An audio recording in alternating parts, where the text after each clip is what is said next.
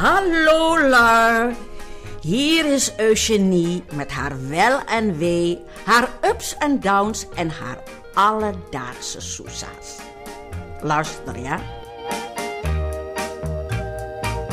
Ik kan jullie vertellen dat ik een heerlijk avontuur heb beleefd.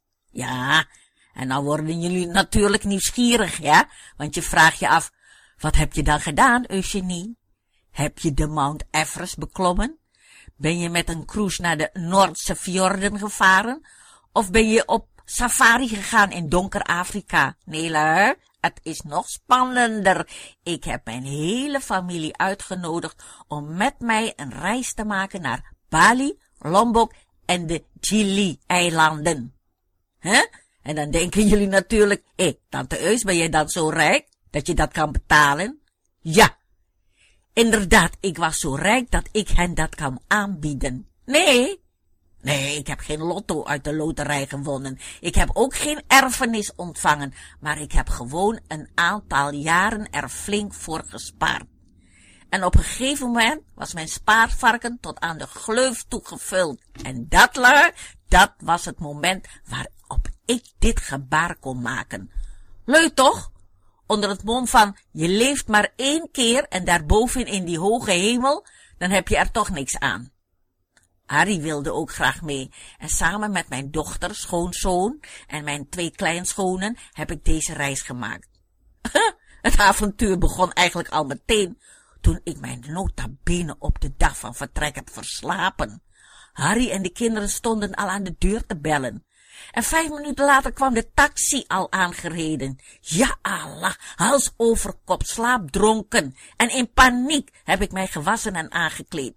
Gelukkig lag alles al klaar, zodat ik mij direct kon aankleden. Ook al de koffer was gepakt. Met slechts tien minuten vertraging zat ik in die taxi bij te komen van de schrik. Daarna had het toestel drie en een half uur vertraging vanwege een lekke band. Ik dacht, nou, dit begint goed. Eerst je verslapen en dan nu al een lekke band. Maar gelukkig lui, de rest ging voorspoedig.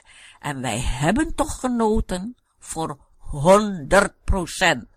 Bovendien hebben wij geboft, want in deze groepsreis, waar veertien mensen zich konden inschrijven, waren wij de enigen.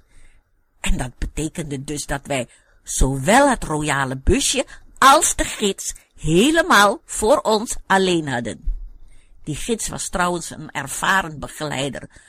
En doordat hij merkte dat wij overal over open voor stonden, bracht hij ons ook buiten het programma op, op plekken waar je anders niet zou komen. Oh, oh, oh, oh, wat hebben wij veel gezien en wat hebben wij veel meegemaakt.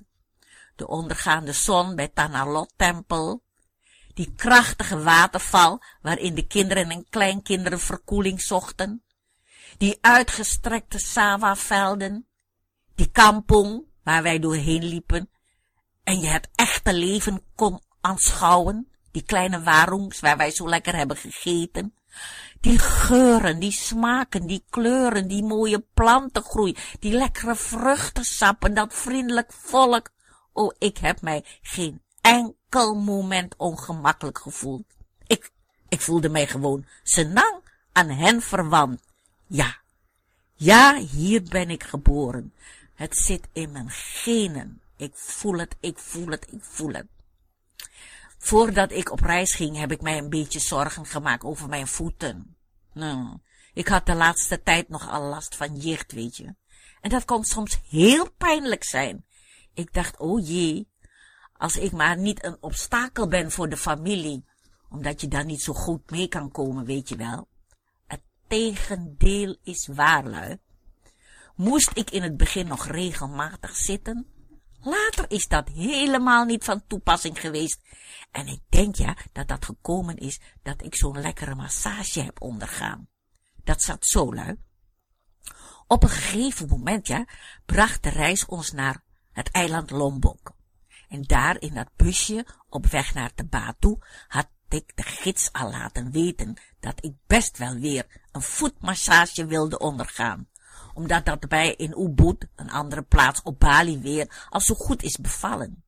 Nou ja, op onze bestemming aangekomen vroeg hij het aan de man die daar min of meer een soort conciërge was en toezicht hield op de tuin, op het huis. Nou ja, zo'n klusjesman.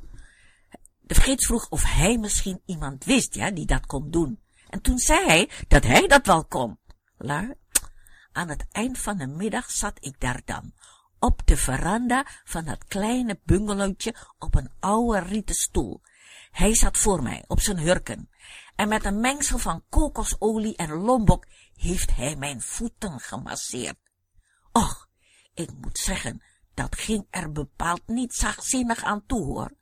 Maar daarna, daarna leek het wel of ik op kussentjes sliep. Oh, wat was dat heerlijk! Ik had nergens meer last van. Ik kreeg dat mengsel van hem mee in een klein bruin flesje. En toen wij huiswaarts gingen, had ik het nog eerst heel zorgvuldig in een blikken trommetje gedaan, voordat het in de koffer ging. Maar ja, helaas, door het schudden ja, van die koffer is een groot deel eruit gelopen. En sommige kledingstukken moest ik zelfs met wasbenzine bewerken om de vlekken eruit te krijgen. Maar nu, nu denk ik nog regelmatig aan de man terug. Ach, woonde hij maar bij mij in de buurt. Ik kijk naar de opnames die ik met mijn video heb gemaakt. Wat voelde ik mij senang. Zo senang, zo senang, zo senang. Nou, luid tot zover, ja? Tot ziens, ja? Met de hartelijke groeten van Eugenie.